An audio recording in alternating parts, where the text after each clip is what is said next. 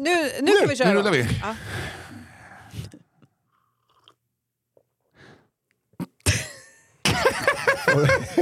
Ja, men jag kom inte på, det, det var inte att jag liksom försökte vara rolig och eh, jag kom det- bara inte på, för jag orkar inte höra att jag gör det dåligt igen. Nej, Nej, men du får aldrig Nej, men det, och sen så här, höra. klappar ni lite på bakhuvudet när jag lyckas göra rätt.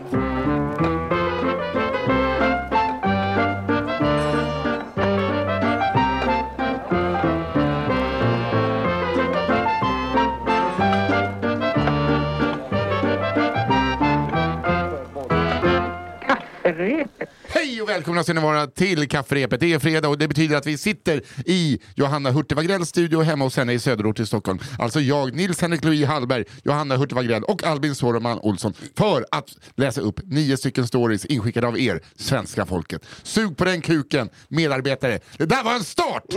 Det var riktigt bra. Det är Lasse Granqvist. Kan du ta den lite långsamt? Jag, tycker, jag tror inte man fick med alla. Skoja. Jättebra Nils, du är skitduktig. Ja, jag är fan ett jävla proffs. Ja.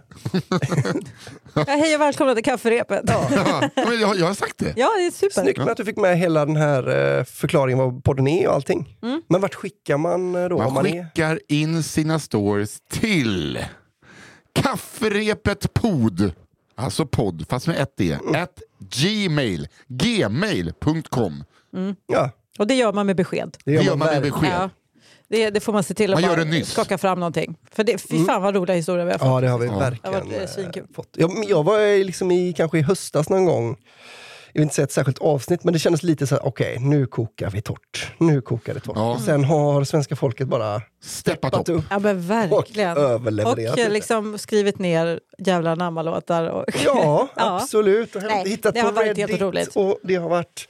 Jag fick igår någon som skickade eh, bajspinnen, Reddit-storyn bara, här har ni, så bara, du ställ dig i kö. Ja, men verkligen. Ställ dig grabben. We know Don't- it happens. Don't rub the poo uh, that you split it with a stick in Men my face. den tycker inte jag är, det är inte samma sak tycker inte jag. Det är ju ändå en sån story. Den kanske är sann. Alltså det, det är väl jättebra att vi slipper översätta den här. Att det, Ja, någon det har gjort väl- det, skickat in Jo, den. men det är ju bara trist att det är just en Reddit-story. Lite tristare än om det hade varit en riktig, men jag Ja. tycker den vi hade så roligt åt den. Ja. Det måste vara värt någonting.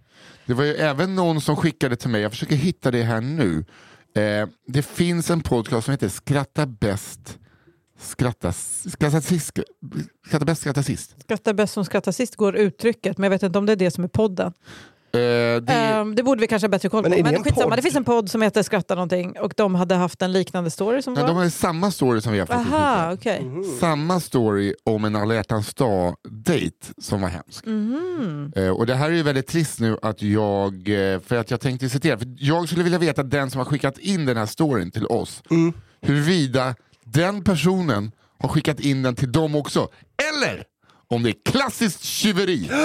För jag tror inte att den här storyn vann, då är det helt okej. Mm, just det. Men annars, grabb-grabbar som sitter där och flabb-flabbar, då har ni stulit från kafferepet. Men jag, vet, jag känner mig bara lite sedd om det är så. Ja, men inte helt okej att sno en som den vinner tycker jag. För att det är ju meningen att, den ska, att man ska kunna berätta den som att det har hänt. Om den liksom är med i Ja. varenda jävla podd, då är den ju liksom... Då, då kommer folk säga att du har snott den. Men vi kan ju inte be folk skicka in historier hit och sen säga Jo. att ing, ja, Där går Det min gräns. Ja. Inte någon jävla skrattabell. Då, väljer ni sida. Ja, Det här är. Lejonkungen Scar. Och jag vill inte säga vem som är vem. När mickar det av? Eh, vi absolut skar.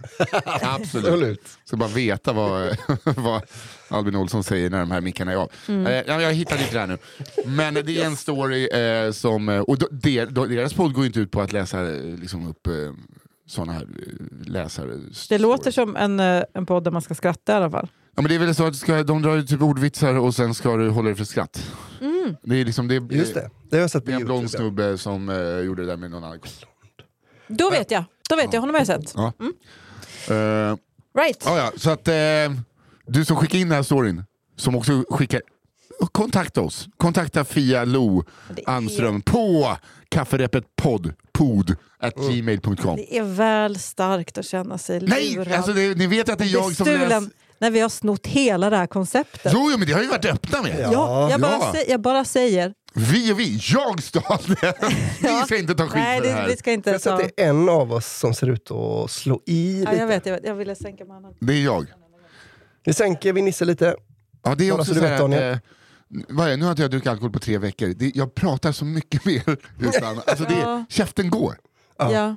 För jag, du, var, du var redan ganska långt under oss i inställning, men eh, nu, nu så. Så där, Ja, nu tror jag att det ser där har vi det.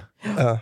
Och eh, det, det vill jag också säga, eh, det är inte jag som har stulit utan eh, eh, dens fel att den här podden görs är faktiskt Adam Alsings. Men Just det. honom kan vi inte...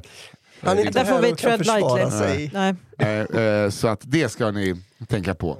Mm. Att det är Gulle Adam som eh, sa nu snor vi det här. Ja. Så att jag är oskyldig. Man får Ja. sno från engelsktalia. Så är det. Ja, ja. Annars hade eh, liksom, eh, Lennie Norman och de inte haft en skämt när det begav sig. Nej. Nej.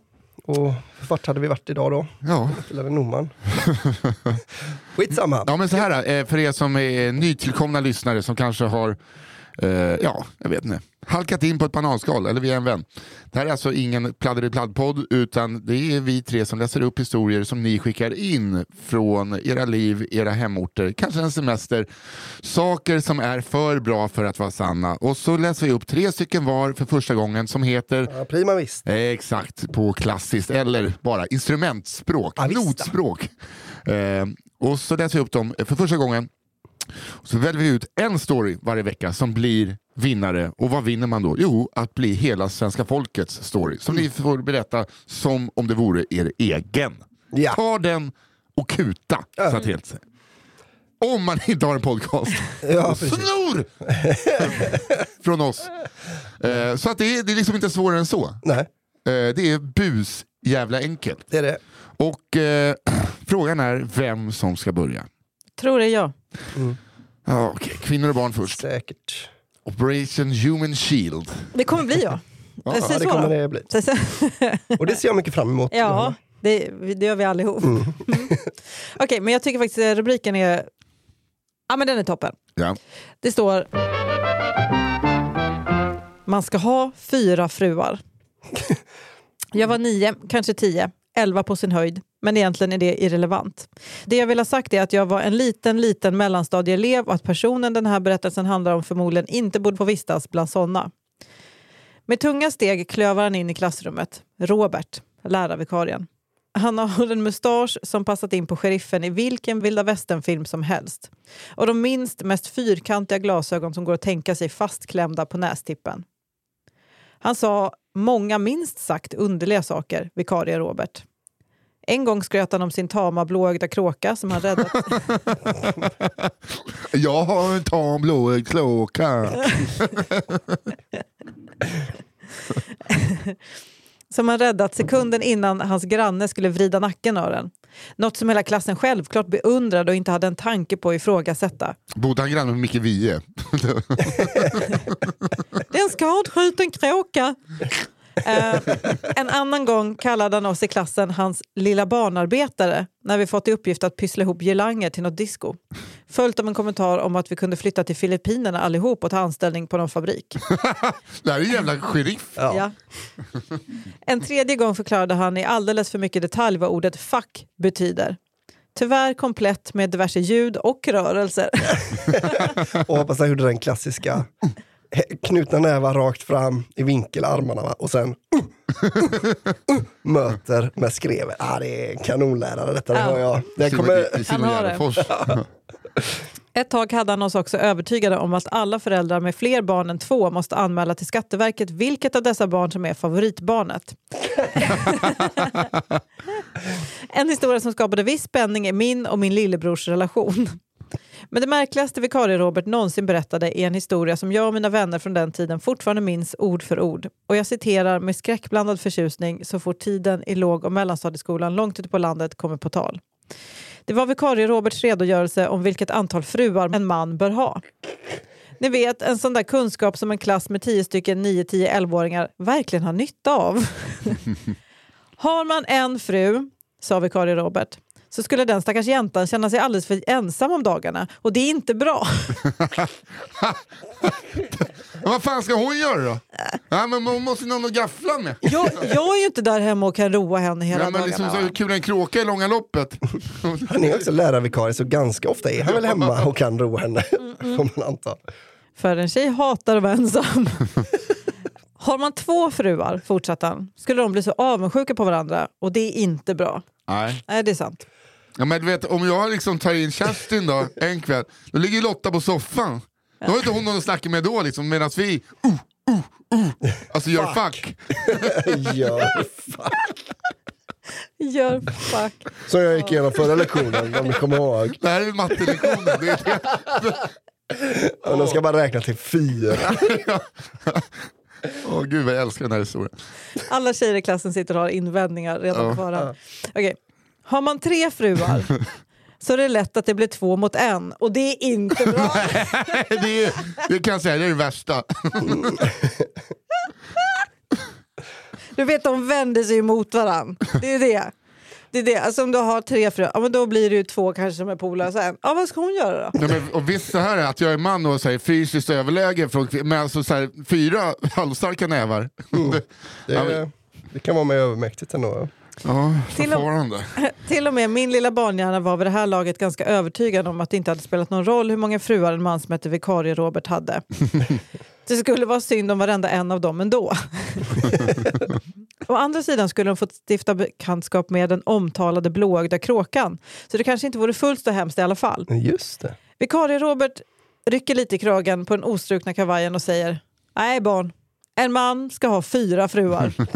För har man fyra fruar, då kan de bilda lag. Och det, det är bra.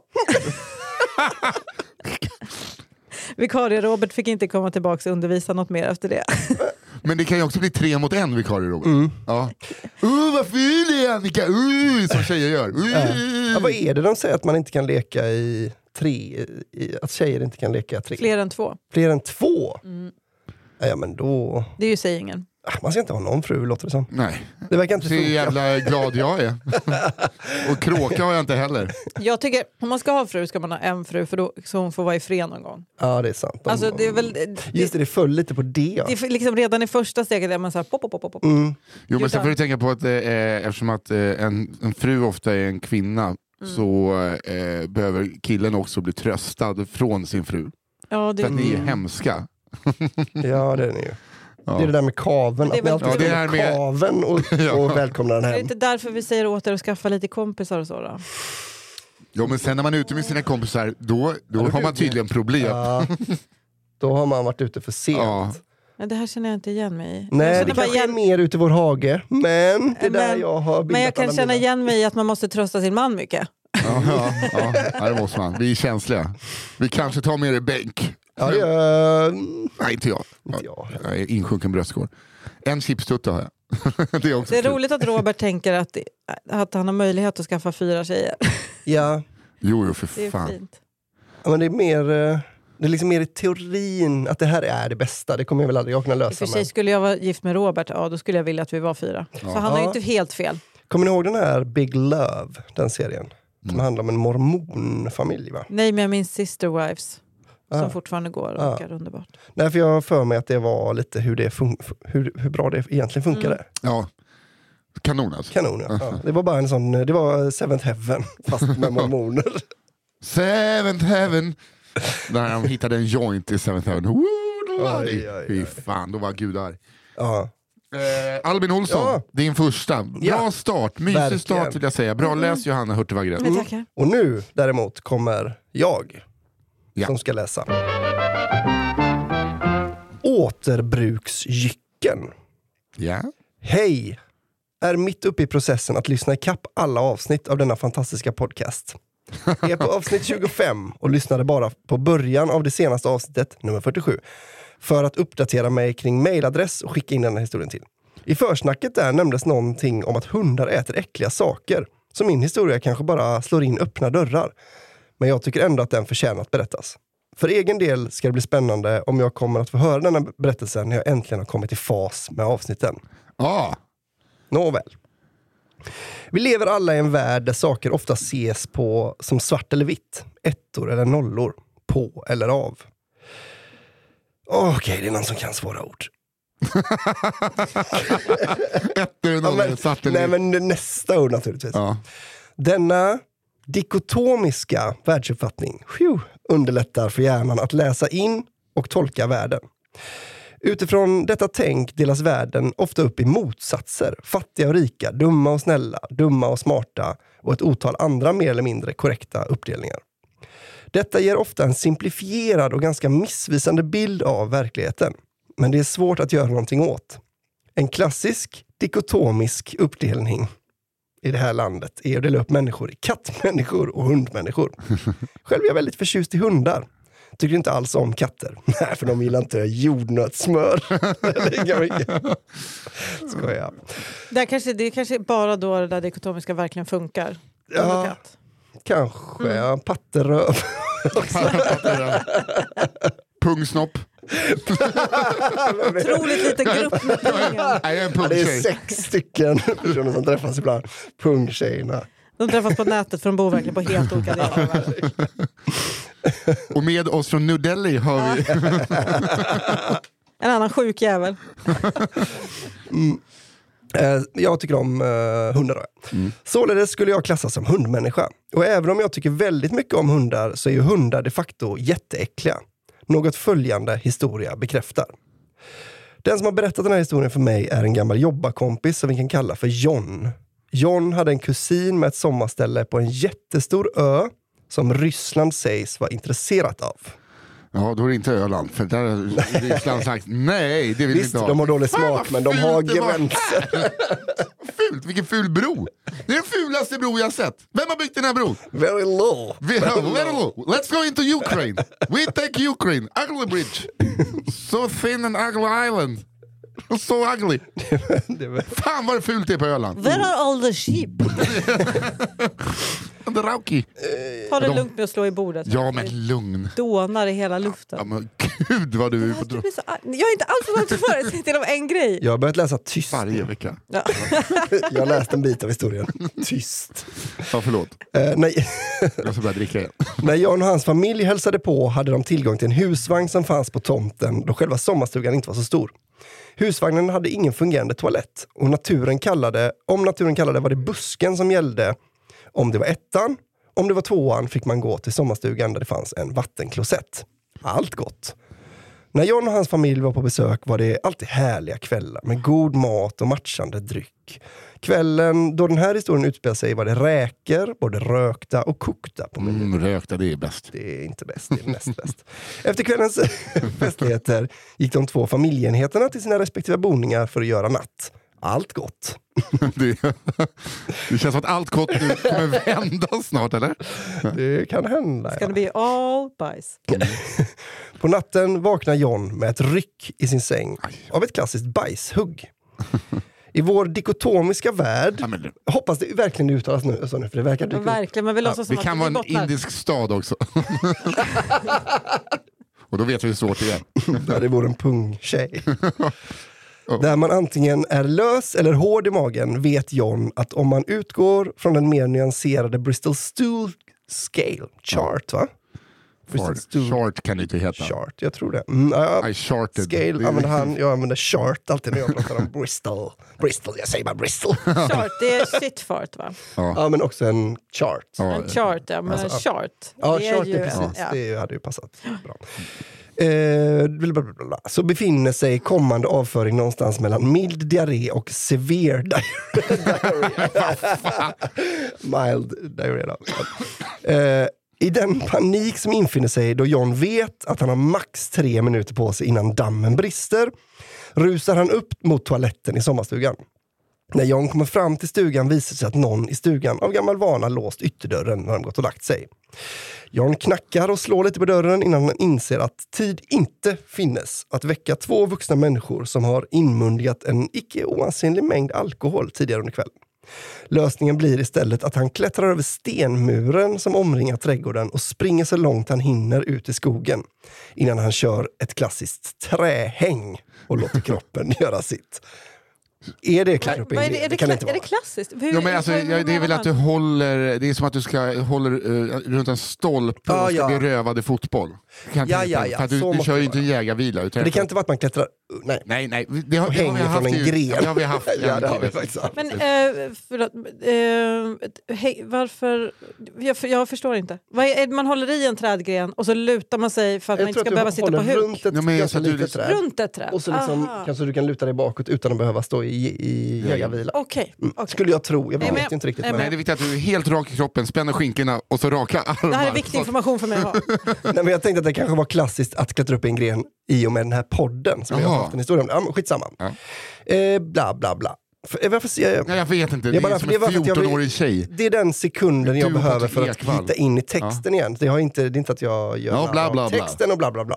John gör sitt bästa för att sanera ändalykten med det som naturen har att erbjuda och ta sig utmattad och lättad tillbaka till husvagnen för att somna om. Allt gott. på morgonen vaknar så den lilla gården till liv. Och alla ska samlas uppe på altanen vid sommarstugan för en god frukost. Ytterdörren till stugan öppnas och kusinens hund, typ en Worcester, Worcester? Worcester. det- Worcester? Worcester, Ja, Worcester. Det får Worcester. heta det. Worcester, som vi kan kalla Bobby, rusar glatt ut. Varför, var, Varför ska, det, de, varför ska de liksom hitta på ett namn åt hunden? Ja. Jag tror att det är en sån som stavas Worcestershire terrier. Då kan man nog säga Worcester terrier. Aha, för det... Men det är bara för att en kompis i min klass hade en sån. Det behöver inte vara en sån han menar, det är bara det enda jag känner igen. Som Okej. skulle Det var en sån här liten, ni vet gubbluckig hund som är så här vit. Alltså jag fattar, men jag har ju mycket lättare att uttala det om man skriver då Worcestershire. Ja, jag vet. Men okej, ja, men det kanske... Det, där han kunde måste, också, det där måste ni släppa. historien, för historiens... Om man ändå ska gissa sig fram kunde han lika gärna valt chefen va? Ja, ja. ska man säga. I alla fall, den heter Bobby. Skrivtak! Tack så lätt! ja tack så lätt. Det är fan bra. Eh, Bobby heter i alla fall hunden då. Han rusar glatt ut för att uträtta sina behov och utforska den, vad den här morgonen har att erbjuda. Nej, men alltså, jag har ju varit rädd för vart det här är på väg. Ja, men fan, vi vet ju vad det här är på väg. Ja. vet du väl. John ser hur hunden nosar omkring i någon minut innan den stelnar till. Bobby vädrar i luften och konstaterar att någonting luktar jättegott. Bobby varvar upp och nosar sig fram till platsen där John hoppade över muren under nattens äventyr. Och Bobby har lock on target på någonting på andra sidan muren.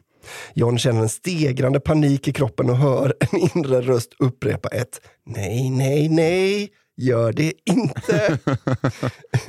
det som ändå lugnar ner John är att muren är ganska hög och att Bobby inte kan ta sig över den. Allt gott.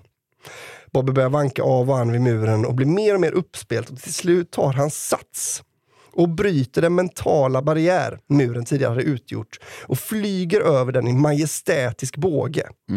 John ser det hela och vet att point of no return är passerad. Han sneglar bort mot det trä där han bara några timmar tidigare hade skapat en fekal Jackson Pollock. Skämt stulet från Greg Davis. Och ser hur Bobby goes to town. Bobby slickar i sig hela portionen räkbajs och tar sig mätt och belåten tillbaka till gården där Johns fru, vi kan kalla henne Gittan, möter upp Bobby med ett klassiskt hundgos och låter Bobby citat pussa henne på munnen. John, som i Bobbys morrhår, såg små, små bruna droppar. Ser med skräck på hur hans fru frotterar sitt ansikte med den nattliga panikbajsen. Och fattar beslutet att aldrig någonsin berätta för Gittan. Allt, inte så gott, men jag gillar fortfarande hundar bättre än katter. Ja, men det här är ju... Fan vad jag är... Du ska få ingen cred Johanna, men vad, du tog det här på, Ja, ja. på vad heter det, kinden. Ja, men det här är liksom eh, som att jag är immun mot det här eftersom att min polare Freddan är hundvakt åt en hund som heter Vince. Och det var en gång Vince är drog ur kopplet i eh, Skinnarviksparken och in en buske och Freddan ska in och ta honom och få tag i kopplet bara... För där eh, är det asmycket pundare som sitter och skiter så att han har liksom tryckt in sig en hel jävla tjackmacka. Jag gick förbi, det är så äckligt! jag gick förbi någon sån här, eh, eh, där som, eh, på sådana ställen där du jobbar gratis ibland. Typ, fast där som de sover över. Va? Jag pratar med Tärberge. Härberge ja, Vad har precis. jag Härberge. Nej men eh, typ sådana ställen med, där får sådana utslagna hänger. Ja, men ibland måste jobba. Där är Om du någon har sagt åt en att man måste jobba. av- Ja, ja, en- ja, du menar det jag gjorde samhällstjänst? Samhällstjänst Ja men det är liksom ute där. Jo men jag vet, men det var det ordet jag kom på. Skitsamma. Jag gick förbi i alla fall när de slamsög ett sånt ställe. Ja. Ja, det var det värsta Jag svettas och gråter lite. eh, efter varje pass eh, när jag gjorde samhällstjänst var det så här, går du upp och tar toaletterna och var jätteförsiktig så att du inte sticker på kanyler i... Eh, och sen var det sådana stora skyltar, stå inte och bajsa på toaletten. det var ju sådana skyltar. Nej fy fan vad folk... Alltså, bara för att man tar tjack, hur svårt ska det vara att bajsa i en toalett? Alltså, men då, efter tre dagar, då var det, jag kan tänka mig som på ett äldreboende, då var jag, det Ja. kom inte. Ja, men nej, så är det ju. Och det vet ju vi som är föräldrar. Eller Ja, jag jo, men jag var ju förälder åt 50-åriga tjackisar. Man Jag har inte alls samma problem med den här konversationen som är liksom, alltså, att det ska bli att de ska... eh, nej, att det ska ätas upp på något vis. Nej, man ska liksom- inte... Ingen, Nej, inte äta för att det är gränsen. Vi får näring nästan gå vidare. Vi får nästan gå vidare för, Det är alltså, lite näring. det är nästan så jag reagerar som på den där frisörhistorien. Ja, du Liksom. sitter och skakar. Ja, jag har verkligen, jag fick tårar i Ja, ögonen. Vi går vidare. Ja. Vidare. Men jag uppskattade, jag tyckte den var bra. Otroligt berättad. Eh, Om, det kan jag fortfarande se. I framtiden kan väl Fia, bara Fia, om det är så svåra ord, skicka till någon annan. Helst Okej, Jag tycker du var jättebra. Här kommer min första då. Fido åt upp och blev mätt. Nej jag skojar bara. Jag skojar. Oj, vad jag var nära att Jag var jättenära på att bara springa ut på balkongen. Bajsbuffé för Buster. Okej, nej, här kommer den första. Lukten. Ja, men, ja, nu är allt bajs. Hej kafferepet. Om det är Albin som läser det här vill jag tacka för en bra podcast. Så du skulle inte ha läst upp det? Ja. Era historier får mig båda att gapskratta och må illa på jobbet. Fortsätt så. Ja. Ni efterfrågade för ett tag sedan lite mer dejthistorier och jag har en på lager. Det är inte jag som är huvudpersonen utan min vän och jag ska försöka återberätta den så gott det går.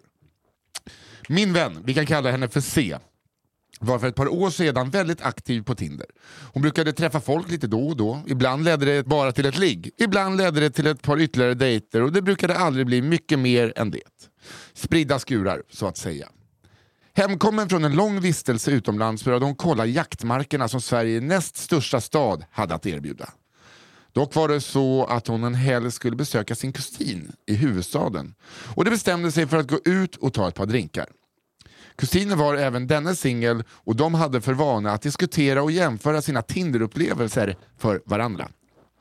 Just denna kväll hade de båda kusinerna valt att hålla sig aktiva på Tinder. Alltid kul att se vilka man matchar med i Stockholm. C hade under det senaste dygnet skrivit med en kille som verkade trevlig. Om det var han som ville träffas eller hon som tog första steget är oklart. Men det ena ledde till det andra och C tog farväl av sin kusin som även denna skulle iväg på en annan Tinder-dejt för att möta upp stockholmaren och se vad natten hade att erbjuda. Stockholm, ah, okej, båda skulle på ett Stockholmsdejt. De möttes upp på en bar. Killen var, eh, verkade vara både snygg, verkade vara snygg. Han verkar snygg om man tar av sig hockeyhjälmen. Det är skitkonstigt. Killen verkade vara både snygg, vältalig och trevlig. Fan, beskriver de mig här? Det är konstigt. Jag har varit på någon. Uppfyllde alla kriterier för åtminstone ett one night stand. Det var bara något som kändes konstigt. Till en början kunde hon inte förstå vad det var, men till slut insåg C att den här killen som satt tvärs över bordet, han luktade. Men vad? Hon kunde inte sätta fingret på det. Var det dålig andedräkt? Någon aftershave eller hudkräm? Nej, det luktar inte något utav, eh, utav de sakerna. Lukten var inte obehaglig, men den var inte heller trevlig. Det var bara något som var off med den. Hon försökte vifta undan tankarna och kanske även lukten och fokusera på de resterande relativt positiva egenskaper hon fann i sin Tinder-dejt. Men det låg alltid där och gnagde. Den bekanta doften som ringde precis lika många klockor som det gör när man går in i en pensionärs hem och känner doften av sin farmor eller farfar. Det var något med den, lite sötsliskig, som när man går in i en kryddbutik, men samtidigt torr. Men C försökte se över eh, det här och ignorera det så mycket som det gick. Det låter som braj. Exakt, det låter verkligen som braj. Dejten var ju faktiskt intressant. Kvällen eh, fortgick, öl dracks och det skrattades gott. Killen var tillräckligt trevlig för att när de skulle runda av och han ställde frågan om hon ville hänga med hem så tackade C ja. Hans lägenhet låg inte långt bort. Och när det kom in ledde det ena till det andra som det brukar göra när man ser på film. Man kom in, slängde sig över varandra och styrde raka vägen in i sovrummet. Men trots att stämningen var på topp och alkoholen dövade sinnena en bit så kändes det en doft utav, ja vad var det nu igen? Och lukten var mer påtaglig nu. Det var som att C hade den på tungan, men fortfarande kunde inte placera den. Hon trängde undan tankarna på lukten och följde dejten med in i sovrummet.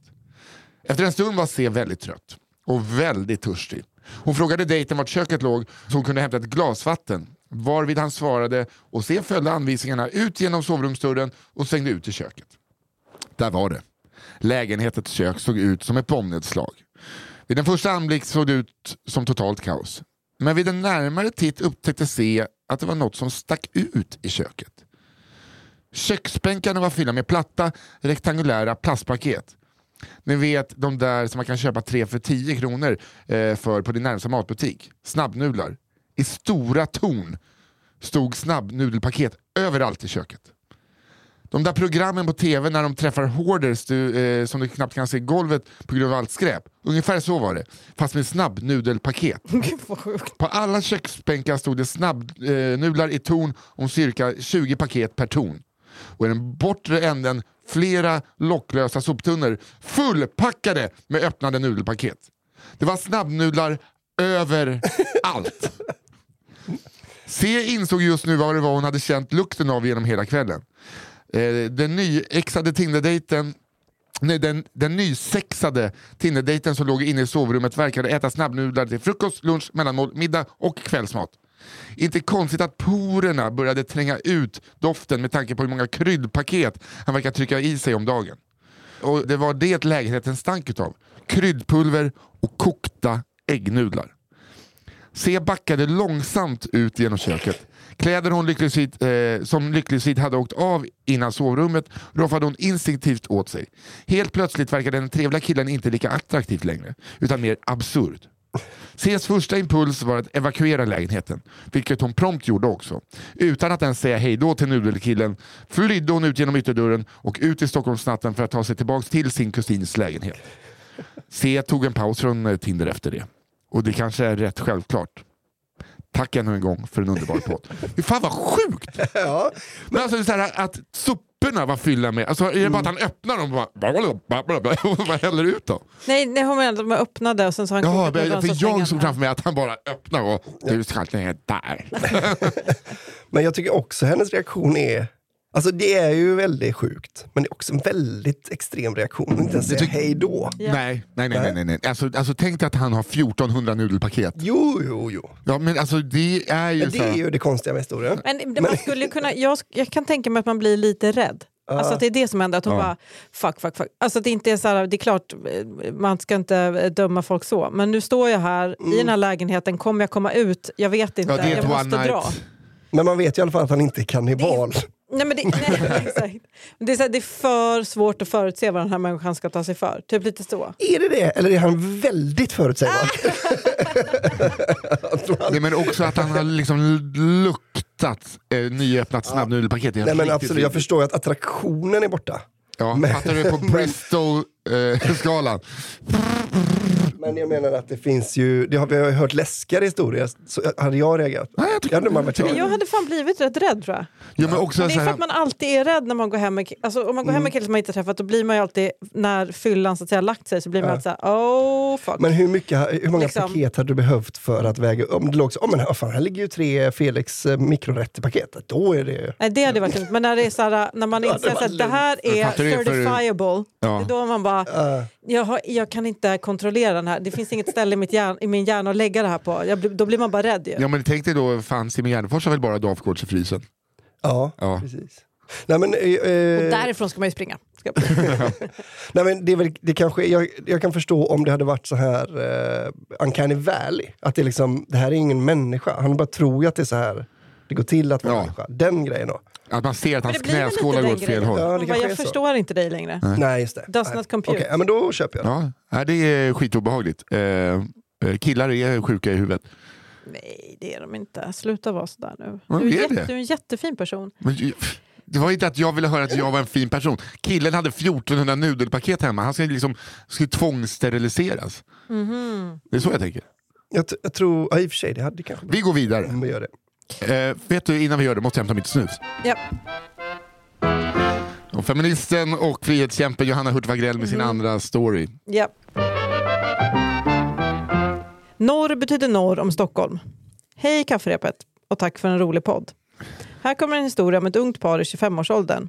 Den utspelar sig på tidigt 00-tal, det vill säga innan smartphone och GPS. Dock efter det att man uppfann kartböcker och började med geografiundervisning i skolan. Paret, vi kan kalla dem Linda och Patrik, skulle köra från sin lägenhet i Stockholm till en kompis sommarstuga utanför Katrineholm för att fira midsommar. Det är midsommaraftons morgon och Linda som är en glad och positiv tjej ser fram emot dagen. Patrik är mest trött. Det är han ofta. Linda får köra. Patrik vill passa på att sova.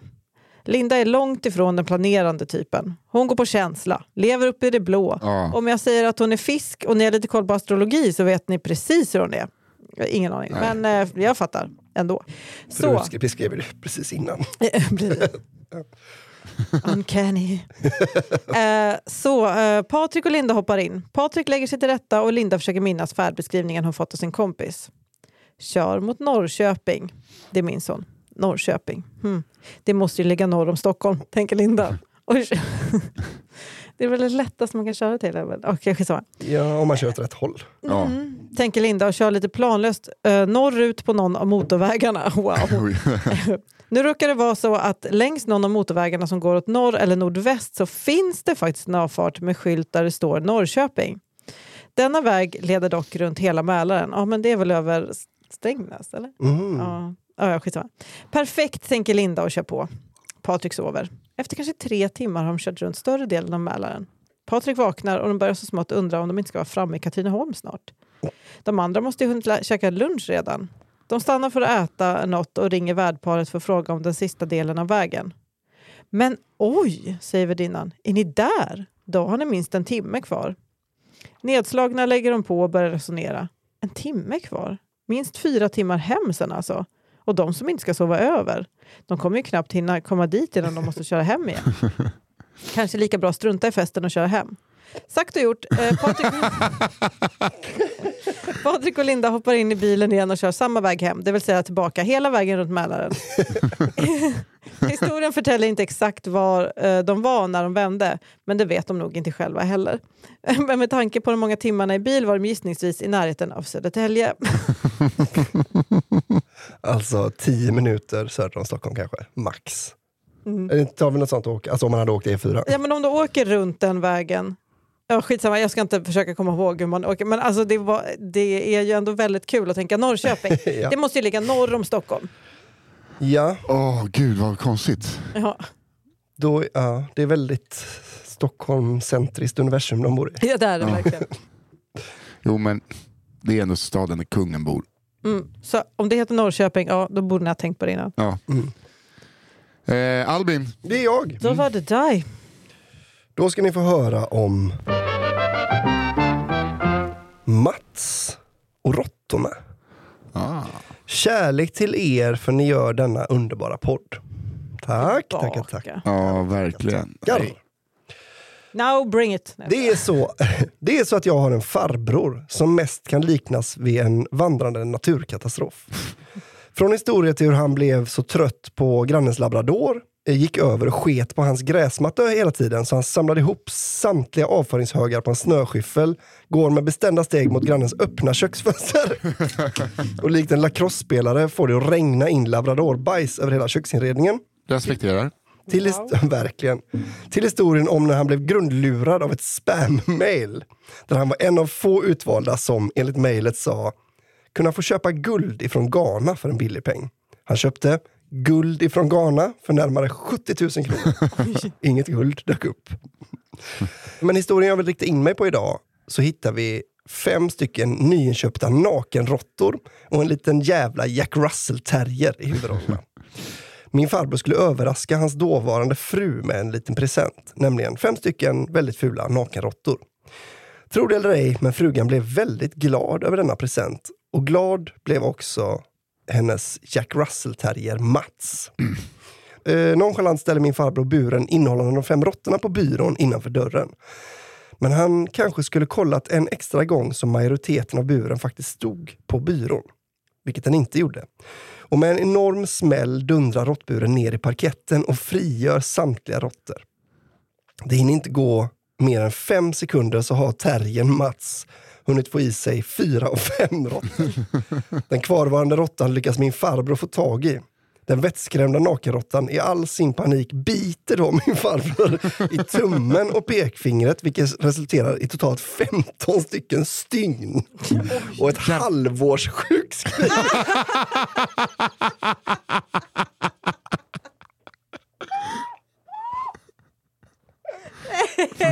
Nej, inte ett halvår. Alltså så länge var inte ens Christopher Reeve att han bröt huvudet. Men om hans farbror är till exempel uh, Yng Yngve Malmsteen och det var vänsterhanden så går det ju inte. Nej, men vad fan, så lång tid tar det inte att läka ett sår. vad fan.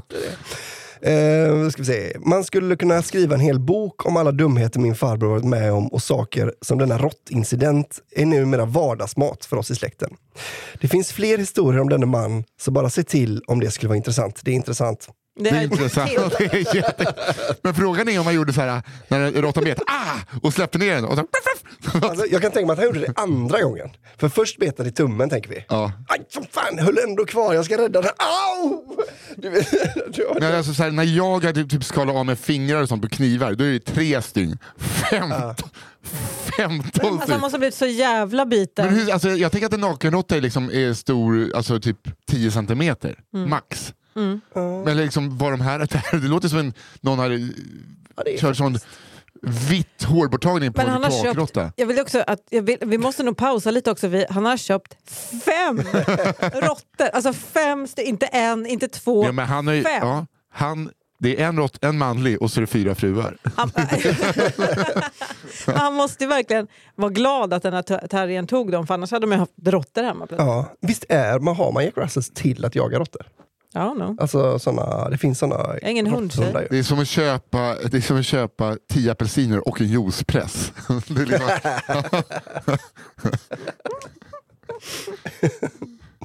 Var får jag allt ifrån? Ja. jag, är, jag är riktigt Men det är bra. inte så Ja, det är inte jättedum present. Nej, det är en kanonpresent. Ja. Det är en kanon. Nej, men jag säger med så här, att eh, terriern... Juicepressen, ja. Alltså, ja, Det Jo, men sen är det väl kul ändå att kunna göra ett glas juice. Ja, absolut. Jag, jag säger att och det är godare bra. med koncentrat. Ju. Skitgott. Du har så jävla svaga hot takes för tillfället. Vuxna människor ska inte bada. Nej, men det, det, nej, men jag, blir, jag blir provocerad över folk som njuter i bad. Jo, men det känns som att du bara tar så här, alla tycker det här, jag ska tycka tvärtom. Jaha, nej. Vitlök så jävla överskattat. Skit Nej, ner jag- Nisse, du tycker inte ens det själv. Jo, jag tycker att badkar är vidrigt. Att man liksom, folk duschar ju inte innan de badar ens. Ligger där i sitt eget jävla smutsiga rövhål och bara... Juicekoncentrat är godare än färskpressade. Jag tycker, Det tycker att, jo, jag tycker... Alltså, det är väl han konstigt. det? Jag tycker att den är dubbel cheeseburgare. Ja, men vi måste lämna den, vi vet att du inte tycker... Nej, men alltså, en eh, McDonalds cheeseburgare som är nygjord är mycket godare än alla andra uh, smashburgers som finns. Det är det Ja, jag men det, så, det är ju helt sant. såklart. Ja, exakt! Men, ja, nej, men det är helt Exakt! Och det är sina hot takes nu. Det. Skit ner det. Här kommer min andra story.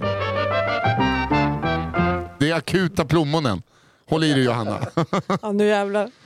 Denna historien har jag fått berättad av en före detta kollega vars nära vän jobbar på akutmottagningen någonstans i vårt grandiosa huvudstad och från vem historien hämtas från. Har förstått att dessa hjältar, doktorer, sköterskor med mera, får se och uppleva en del under sina karriärer och lyckas på så vis samla ihop en hel del nuggets. Bäst är, och jag bara måste anta, alla lite mer udda incidenter och de absolut horribla och genomskinliga förklaringarna till vad som faktiskt hänt. Detta är en sådan, såklart. Jag har ju varit en sån som har haft en kastanj fast i arslet och det trodde de inte på att jag hade svalt den. Just det, där, där Mm. du sket rigatoni. Ja, exakt. Eh, no, sköterskan Jag bara, kul. jag bara, jag eh, skulle vara barnvakt och göra trolleritricks och råkade svälja den. Du svalde den absolut. Ja. Vi säger Ja, att du ja, svalde den. just det. Det är den här. Ja, Hon verkligen trodde att jag hade tryckt upp en kastanj i Det hade du, det tror vi med. Men inte det, ja, det kanske är det som kommer i historien. Ja, det är det jag misstänker att det är en sån. En man kommer in på akuten Och det visar sig att han måste akut opereras då han har någon form av blockering i nedre regionerna. Och det måste åtgärdas innan det är för sent. Operationen går bra och efter patienten, låt oss kalla honom för Håkan, bara för att han känns som en Håkan, vaknat så har doktorerna några frågor rörande vad som skett. Det visade sig nämligen sig att det som blockerat Håkan i dessa nedre regioner var tre stycken plommon. Mm. Med kvistar och allting kanske. Är inte läkare men vet tillräckligt om kroppen och dess anatomi för att klura ut eh, att de eventuellt kan ha hamnat fel. Håkan berättar nu sin story. Han hade, som man gör, gått runt i lägenheten iklädd enbart förkläde. som man gör. Ja. Med sin fruktkorg dinglande på ena armen och en kopp te i andra. I denna korg fanns såklart, ni gissade, plommon. Håkan sa att han skuttat lite. alltså en fullvuxen man som heter Håkan, naken med förkläde, en tekopp, kanske Earl Grey. Hur räddar jag värdigheten här nu? Skuttar. Kommer jag bli tvungen att säga att jag skuttar? Ja, okej, men det är ändå bättre än att jag tryckte upp blomman i röven. Han sa att han skuttat lite, eh, som då är vågat, med teet i andra näven, med korgen så att några av dessa plommon ramlat ur korgen. Och eftersom att båda händerna var upptagna så valde han det enda vettiga. Han började plocka upp dessa med sina skinkor. Och Det då som har det gick- liksom sugits in då. Ja, exakt. Det som gick snett var såklart att istället för att släppa taget om dessa plommon så har Håkans egna skinkor tvingat upp dessa plommon Tre. rakt upp i röven istället. Har fortsatt den. Men nästa, mig nu. Kommer det inte hända med. Vad är oddsen för att det hände tre gånger Tredje samma man? Många följdfrågor finns men jag vet inte riktigt hur många som ställdes men jag väljer att tro att det var exakt precis så här det gick till. Men eh, en, och det här jag kanske är dum i huvudet, han har väl förmodligen, får man gissa, provat det här. Men är det inte bara att skita ut dem igen? Är det Vet du vad jag tror att han har gjort? Jag tror att han har gjort en sån... Eh, eh, ja, jag fick coaster. Eftersom att Johanna tycker att jag eh, Jag tror att han har satt ett snöre runt... Eh, det finns ju sexleksaker där de har kulor. ju. geisha-kulor. Ja. Eh, alltså så? kulband liksom. Heter det geisha Nej, Nej, men geisha-kulor, det är väl något man de vibrerar. Som du, Nej, det är väl sådana som man ska försöka öva upp knipmuskeln med. ja, men, det, Ja. men du, du brukar väl ha liksom... eh, vib- Du brukar väl ha, vad var det för Sa början jag på det? du? Sa jag det? Nej men eh, det är, alltså, det är väl för att liksom, exakt knip och gå runt med en hel dag. Ja, typ. Men ja. det, det här jag menar är att hade det är liksom typ fem kulor på ett rep Ja. och så ploppar upp Ett dem och så drar rep. du ut Sådana har man dem. ju sett. Ja. Så jag tror att han har liksom tagit en fiskelina med en knapp i ena änden för att hålla det till. Och så ploppat upp, blop, blop, blop, sen har han dragit så bara Älskling, har du ut. sett vad en sån rad kostar? Eller Ja. Det här? För vi har ju omogna plommon i hela trädgården. Det är fallfrukt. det tror jag. Jag tror att han har gjort en egen vegetarisk Ja. röv. Vegansk. Vegansk säga. till och med. Oh, oh, oh. Fint ska det vara. Ja, då, då, det är rapsolja man eh, lubbar upp med, det är inget smör här inte. Nej, nej, nej. Men jag bara menar, så pinsamt är det väl inte att han har ploppat upp några pl- plommon. Det här, det här han försöker för- förklara bort sig med blir ju tusen gånger pinsammare. Ja. Ja, undrar med- när, när under historien som man inser det och ändå är så här, well, I've commi- uh, nu är jag committed. Ja. Nej, men det är Ja, men- också så- som när jag då var på sjukhuset, att inte jag bara sa, jag stod full på Sturehof Mm. Och svalen för att min polare skulle låtsas svalen och så gjorde jag det på riktigt. Ja. Men att jag ljög ihop att jag hade varit eh, barnvakt och skulle Mm. göra trolleritrick, där blir det ju, han körde upp dem i röven. Ja, just Gud, det. ja. Men det hade nästan varit bättre för dig också att säga, jag körde upp den i röven, trodde den skulle komma ut. Ja. När du var barnvakt. det var trolleritricket. Kolla vad jag kan gömma i rövhål. Men är det, var det inte Jag kan gömma pillesnoppar där också. Jag hörde att det är ganska vanligt att om man jobbar på akuten så får, träffar man många människor som råkar ha ramlat från en pall på diverse Ja. eh, grejer. Nakna står de ofta på pallar då, tydligen. Att de måste fråga det. Ja, du har en glödlampa i rövhålet. Ja, du har ramlat, liksom ramlat bakåt. Okej. Men det är, det är också kul att man ramlar bak. Så, så, men du, du, jag ramlade bak länges på grannens kuk. Ja. Men så att eh, det här är egentligen bara en otrohetsaffär. det, Nej, det ja, jag vill bara, ja, då tackar jag för mig. Ni skulle sett vad jag hade där innan. um, Okej, här kommer min sista. Mm. T-shirt-tricket. Åh, klassiskt. Hej kafferepet, världens bästa podd. Men det är en Mhm. annan historia. Okej. Bra, nu fick jag också en sån. Eh, jag tänkte berätta om den enskilt värsta dagen i mitt liv. Jag hade nyligen börjat på ett nytt jobb. Jag var väldigt glad för att få börja jobba där och kände lite som att de hade gjort mig en tjänst som lät mig börja. Jag ville visa framfötterna, vara duktig och bli bra på jobbet. Och det gick ganska bra. Jag fick snabbt något av en expertroll på arbetsplatsen. Jag fick frågan om jag ville sitta med i ett ledningsmöte och presentera lite av det jag jobbat med och samtidigt ge mitt perspektiv på andra frågor som skulle diskuteras. Wow! Mm. Eh, Jag blev smickrad och det kändes som en jättechans, så jag tackade ja. Jag var lite osäker på hur jag skulle klä mig inför ett sånt möte. Jag brukade aldrig vara särskilt uppklädd på jobbet, eh, så det skulle se fånigt ut om jag plötsligt kom i kostym. Samtidigt som jag inte ville se ut som en yngling i någon collegetröja.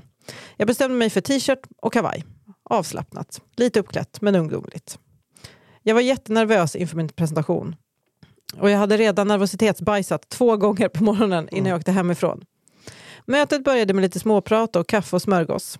Jag kände att kaffet kanske inte var vad min mage behövde men eh, jag försökte hålla en god min och sippade lite försiktigt på kaffet för att inte sticka ut på fel sätt. Till slut kom min tur att presentera och trott eller ej. Men jag sket inte ner mig.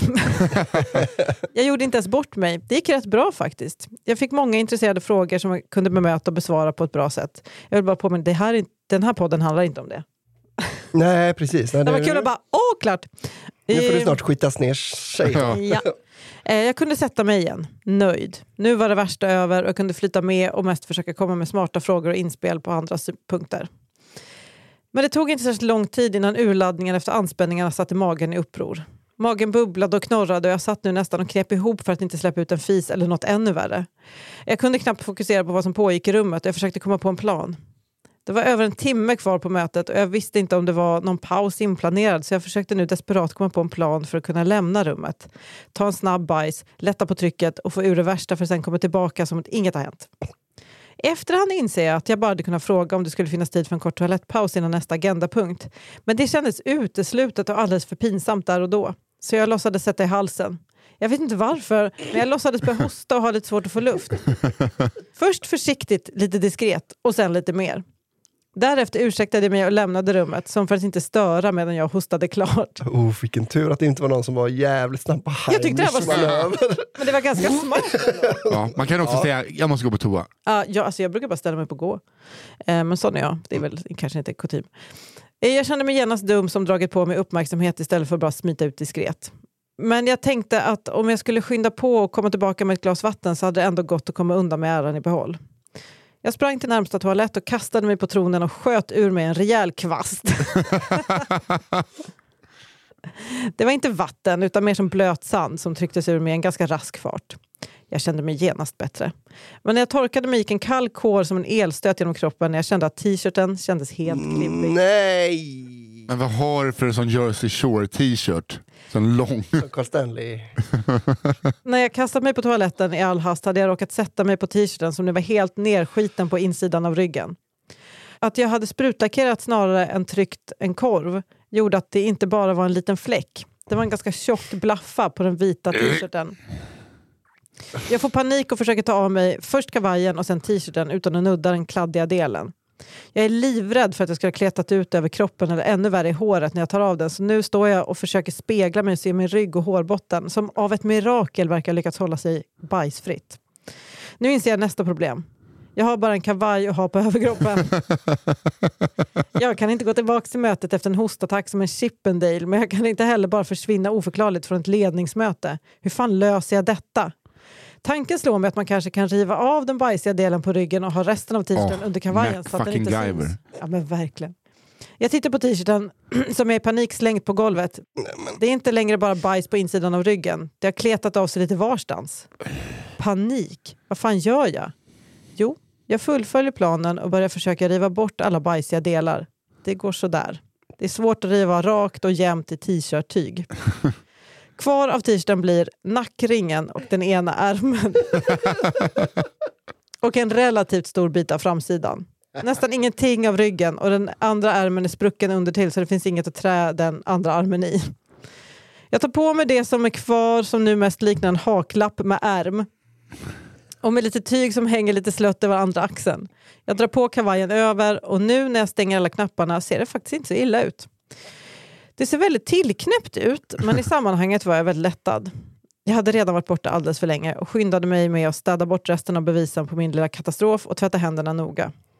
Innan jag går tillbaka till styrelserummet med en liten kopp vatten som om ingenting har hänt och ingen verkar faktiskt reagera nämnvärt på att jag hade varit borta.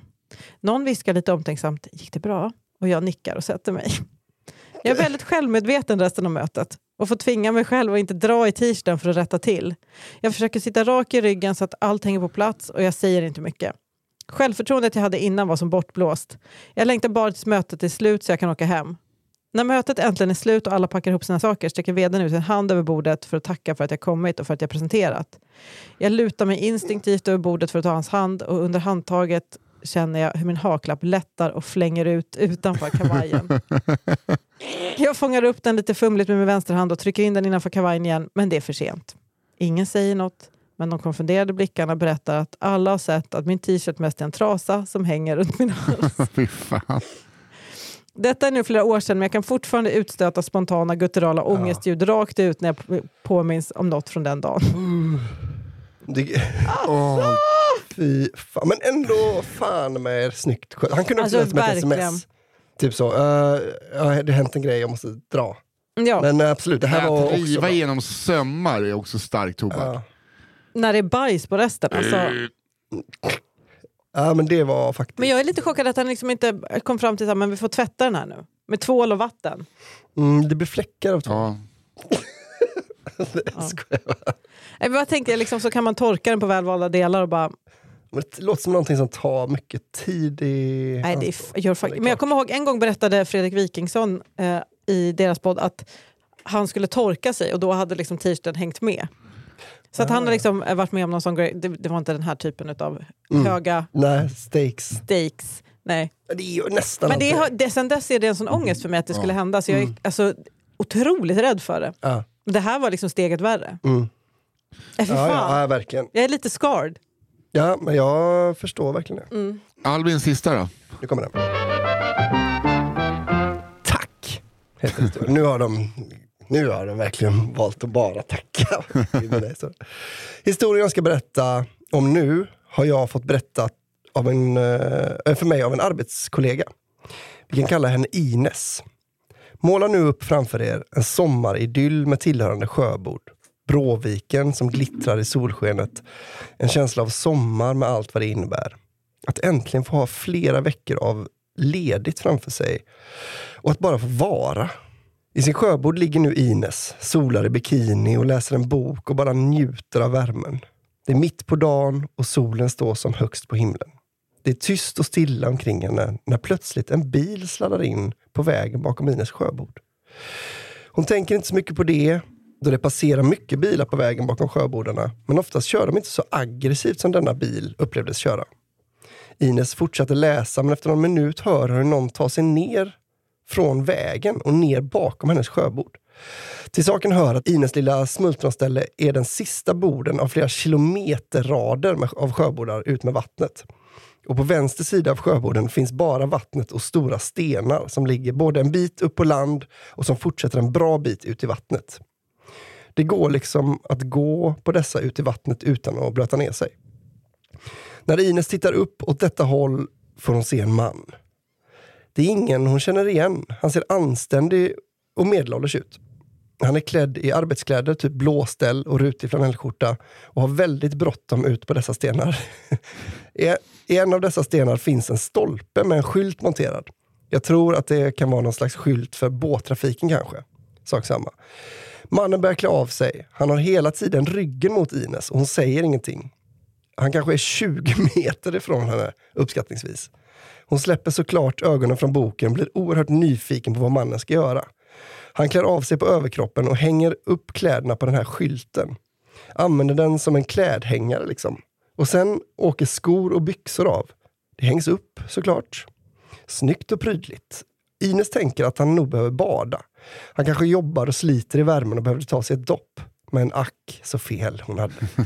Underkläderna åker också av och nu sitter mannen spritt språngande ute i vattnet på en sten och börjar ruska tuppen. Naken. Japp, han drar en ronk. Ines går in i något slags chocktillstånd men har ändå lyckats få tag på sin mobil för att snabbt kunna ringa sin sambo om det skulle behövas. Ja, men alltså, gud vad förstöra henne. Hon hade en sån jävla idyll och sen bara, aha, nu kom det någon jävla pissunge och bara förstörde så jag känner att jag behöver vara rädd för våldtäkt. Ja. Jävla skit. Korsvård vimlar av segel idag. Är det kappsegling? Nej, det är lördag.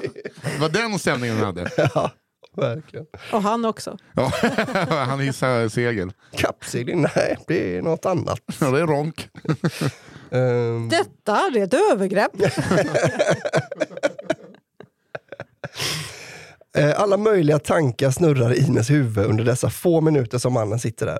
För snabbt går det. Något slags ljud ger han ifrån sig som tydligt indikerar att akten är över. Nu snackar vi två, tre minuter.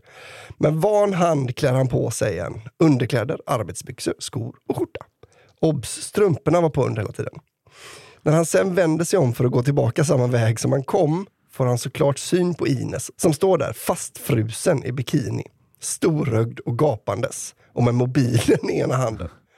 Han visar inget som helst uttryck i ansiktet utan låtsas nästan inte om att hon existerar. För han är precis bredvid hennes bord.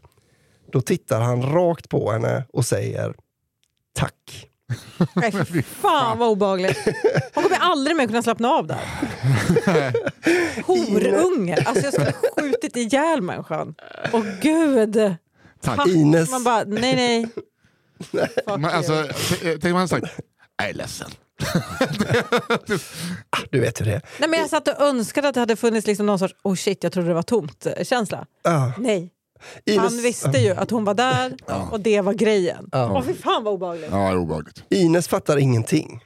Visste han hela tiden att hon var där, eller vad då? Här är det fritt fram för spekulationer och diskussioner. Hon hör i alla fall att han lättar, klättrar upp mot vägen igen och hur han försvinner i sin bil. Men bilkörningen hans är nu lite mjukare än innan. Så den här gången, sen den här gången har Ines aldrig mer sett den här mannen och hon har heller inte igen fått besök av dessa slag vid sin sjöbord. Det var Ja men det var ju Ja, det var skönt. skönt. Skönt. You go. En gång, ingen gång. Ja, tack. Som man brukar säga. Det är så jävla obehagligt att han säger tack. Tack, men tack. Ja, då är det min och veckans eh, sista då. Ja. Den heter inte mindre än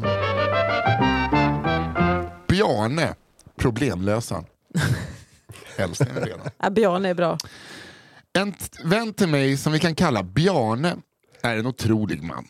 Levnadsglad som få. Alltid på gott humör. Kunnig i det mesta och utan några som helst bekymmer i världen. Ingenting, verkligen ingenting kan få denna man att tappa fattningen. Historierna om hans äventyr är så många och otroliga men det ligger allt för mycket i närtid för att berättas. Ens här. Tänker dock dela denna. Bjarne är alltså live and kicking. Yeah man. Bjarne, han heter Bjarne, hade på outgrundliga vägar blivit med segelbåt. Det var vad man kan kalla en näst senaste modellen och behövde lite kärlek för att bli sjöduglig. Plastad träbåt med trämast.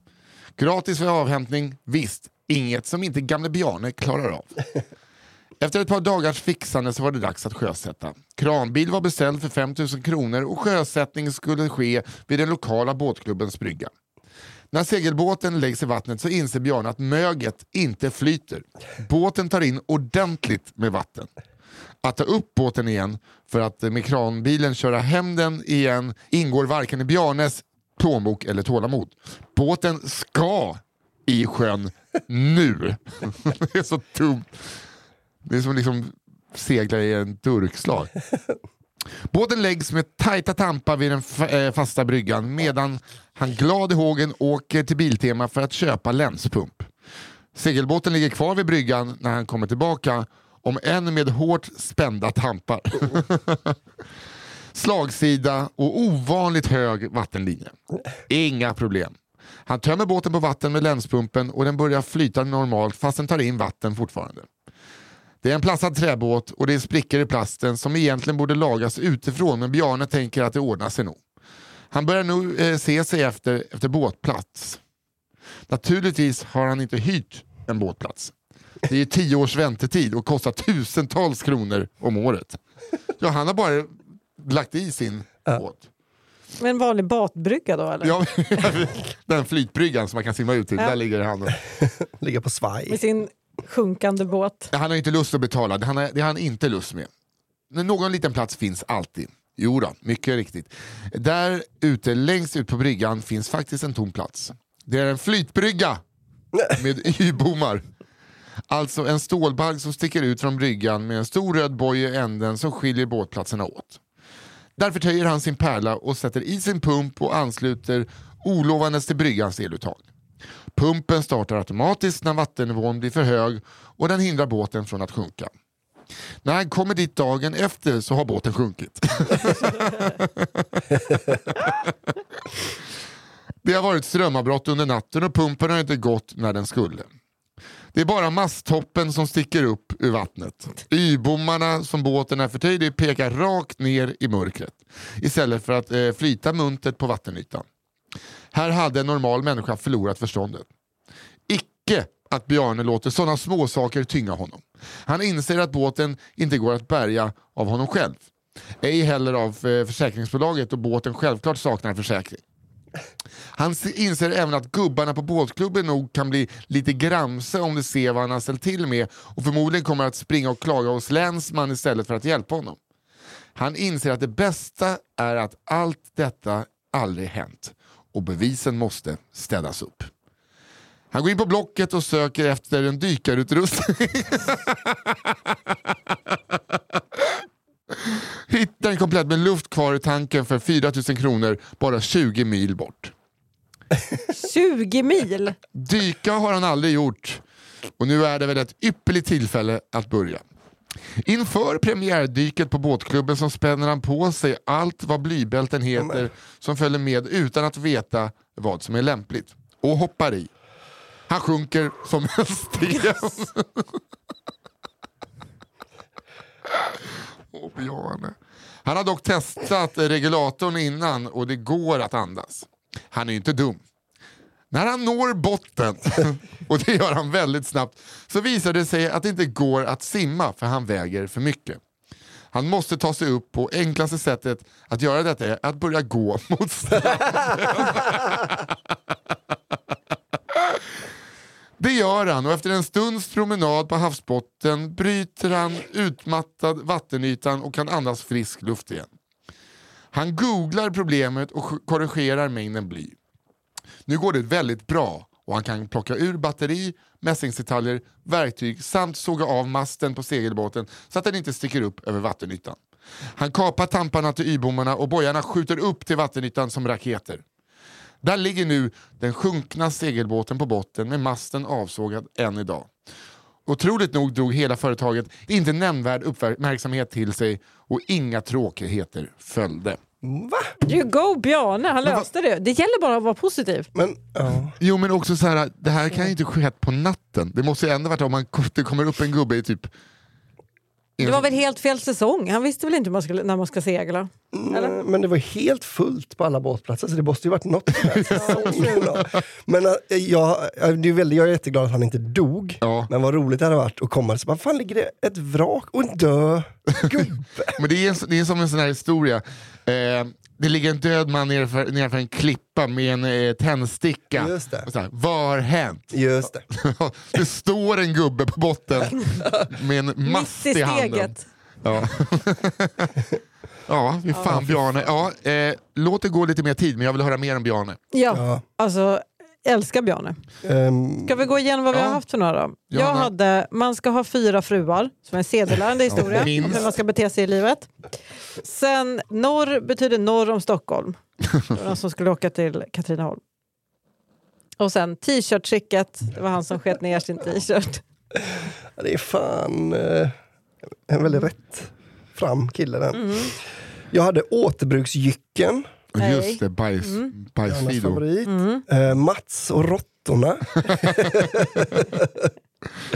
och Tack. Ja, gud, var obehaglig. Ja. Jag hade då Lukten, alltså nudeljöken, one night standet. Eh, det akuta plommonen, mannen som eh, har gjort en egen sexleksak, så, tror vi. Ja. Och sist men inte minst, Bjarne, the problem solver fixer, problemlösaren. Och så, för mig står det, får jag säga vilka det står för? Ja. T-shirt-tricket eller Bjarne. Mm. Okej. Nog med. Alltså, T-shirt-tricket är jag väldigt... det- man kan liksom, den går att ändra hur mycket man vill. Bjarne ska berättas precis så som den är. Ja. Jag tycker ju eh, Råttmannen eh, håller. Ja, den är också otrolig. Jag tycker det är jättekul att han är sjukskriven i ett halvår. Det, det är underbart. Det är Med 15 underbart. sting. Alltså en liten auto- alltså Fattar du vad den har alltså, knullat hans fingrar? Ja, den har ju liksom Ja, ja. bitit fem, sex gånger. ja. Okej, men eh, ni, ja, alltså Bjarne är ju väldigt eh, bra också. Mm. Bjarne är ju en... Och det här verkar, den verkar ju verkligen eh, vara på riktigt eftersom så här, det kan inte ta det som just har hänt. Nej, just det. Det är hans Nej, kompis. precis. Så jävla mycket att han med t-shirten är ju så, själv är inte bäste dräng. Och Ja. Bjarne bara, jo, själv är fan bäste dräng. Jag löste detta, inget har hänt.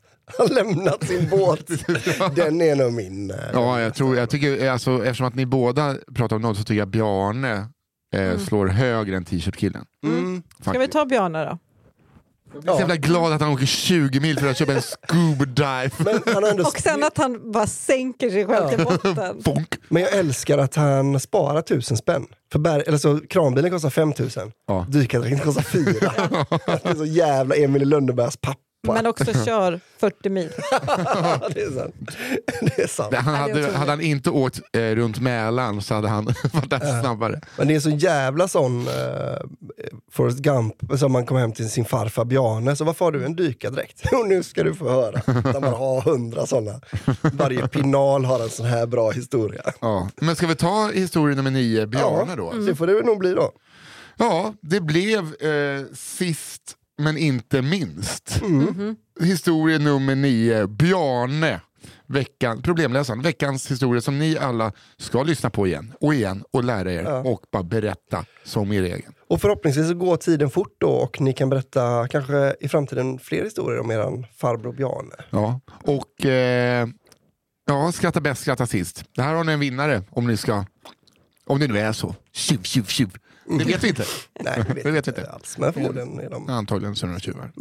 Ja, eh, tack så hemskt mycket Fia Lo Almström som är vår redaktör som väljer ut historier. Dit ni skickar era historier, ja, till kafferepet podd med ett d, at gmail.com.